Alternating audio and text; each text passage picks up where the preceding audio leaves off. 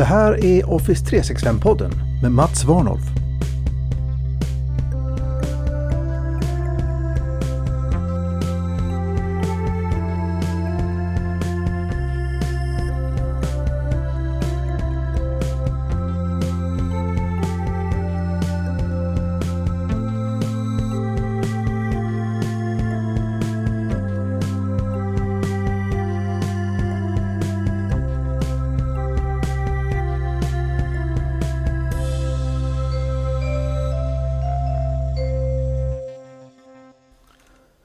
God fortsättning på det nya året!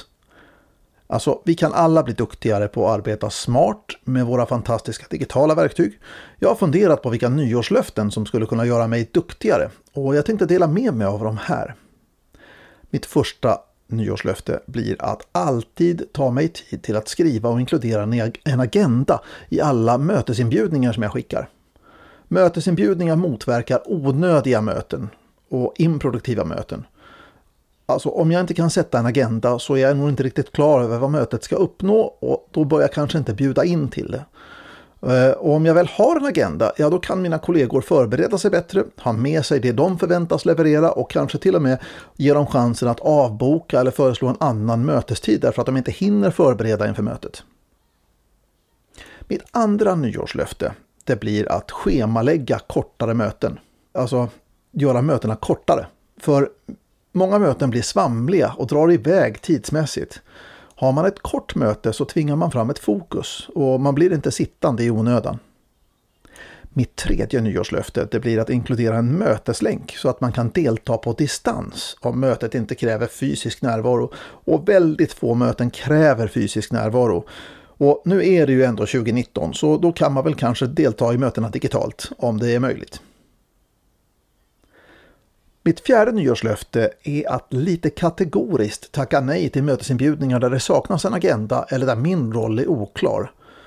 Min tid är det enda som jag kan styra över i någon mån.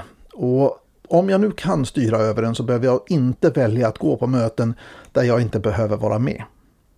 Mitt femte nyårslöfte är att schemalägga fokustid. Jag har aldrig riktigt gjort det.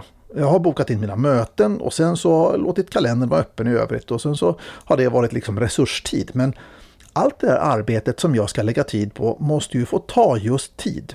Och då vill jag vika den mest kreativa tiden till de viktigaste uppgifterna. Så schemalägga fokustid. Jag ska också, och det här är mitt sjätte nyårslöfte, schemalägga slacktid. Tid som är till förfogande, som är utblockat, ingen kan boka upp mig, men där jag har en möjlighet att hinna ikapp med saker och ting som jag kanske ligger efter med. Mitt sjunde nyårslöfte det blir att schemalägga tid på att läsa och besvara mejl. Alltså mejlen, i min mailbox i alla fall, den är full av två saker. Distraktioner och andra människors prioriteringar. Jag ska naturligtvis läsa och besvara allt, men mejl är inte ett synkront medium. Man kan alltså inte förvänta sig att jag sitter på tårna eller står på tårna och ska besvara alla mejl direkt när de kommer in. Och jag ska försöka naturligtvis att inte läsa mejl efter arbetstid. Men mitt åttonde nyårslöfte blir också att inte skicka mejl efter arbetstid. Jag vet hur stressad man blir av att få ett mejl på kvällen. Det skickar signaler som säger “Jag jobbar just nu, jag förväntar mig att du också gör det”. Och det gör jag inte. Jag förväntar mig inte att någon gör någonting med ett mejl när jag skickar det på kvällen. Men jag vet att man kan bli pressad så jag tänker helt enkelt sluta. Jag stänger min mejl när jag lämnar kontoret. Är det någonting viktigt, ja då får folk ringa mig eller så får jag ringa folk om det är bråttom. Så, det är mina nyårslöften. Eh, vi får väl återkomma om ett år och se hur det har gått med det här. Vilka är dina nyårslöften?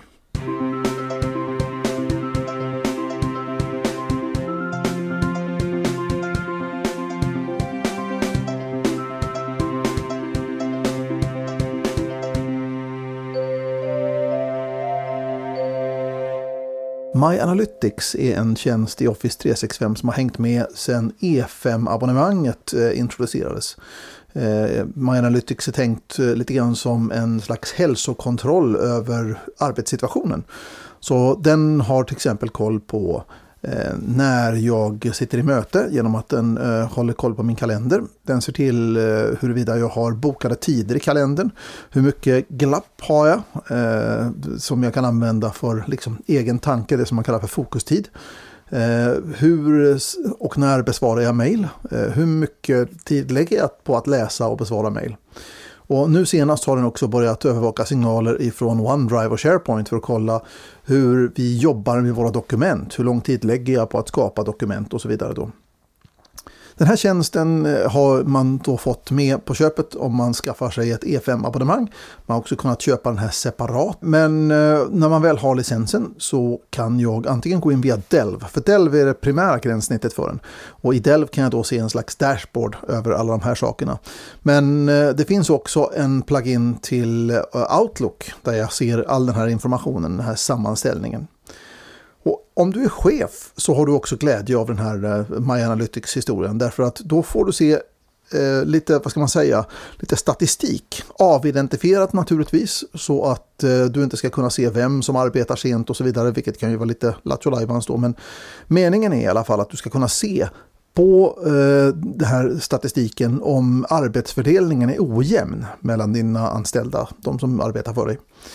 Eh, och eh, MyAnalytics som sagt, den har funnits med en ganska bra stund. Eh, nu under januari 2019 så meddelar Microsoft att de tänker rulla ut det här till alla som har eh, någon typ av Office 365 abonnemang. Alltså från Office 365 Business Premium och Business Essentials. Men också de som har E1 eller E3 och E5 naturligtvis då. De har ju alltid haft det.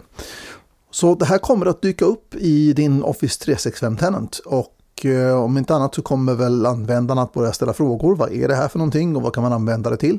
Så eh, lägg lite tid på att eh, slå upp My Analytics i ett ord från Microsoft och ta reda på vad det är för någonting, om det är någonting som ni ska ha eller om ni ska stänga av det och så vidare.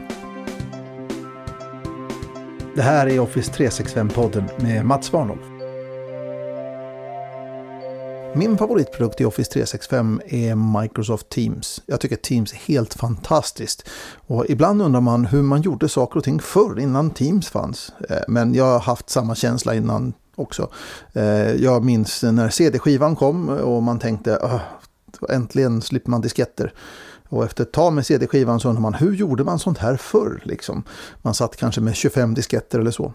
Sen så kom USB-minnena och sen så började man fundera på varför man överhuvudtaget brydde sig om de här runda plastskivorna som man stoppade in i CD-spelare och så vidare. Då. Eh, Microsoft Teams i alla fall löser rätt många av mina praktiska problem i arbetet. En av sakerna som jag har i mitt yrke är ju att jag håller koll på Office 365. Och det gör jag med hjälp av Teams. Eh, jag låter Teams till exempel samla ett stort antal RSS-flöden in i en kanal. Eh, så pass många att jag faktiskt har slagit i taket. Eh, jag kan inte ha fler RSS-flöden in i samma kanal utan jag får separera det här in i andra kanaler.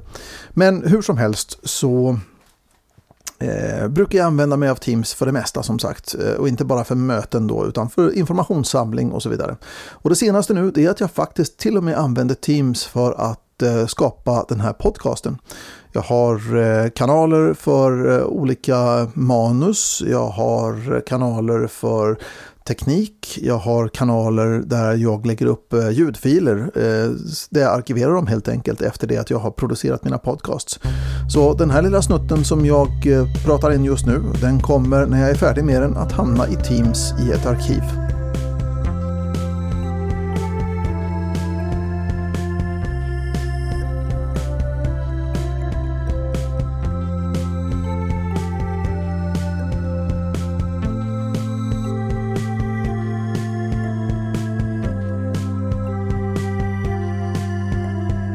Du har lyssnat på Office 365-podden.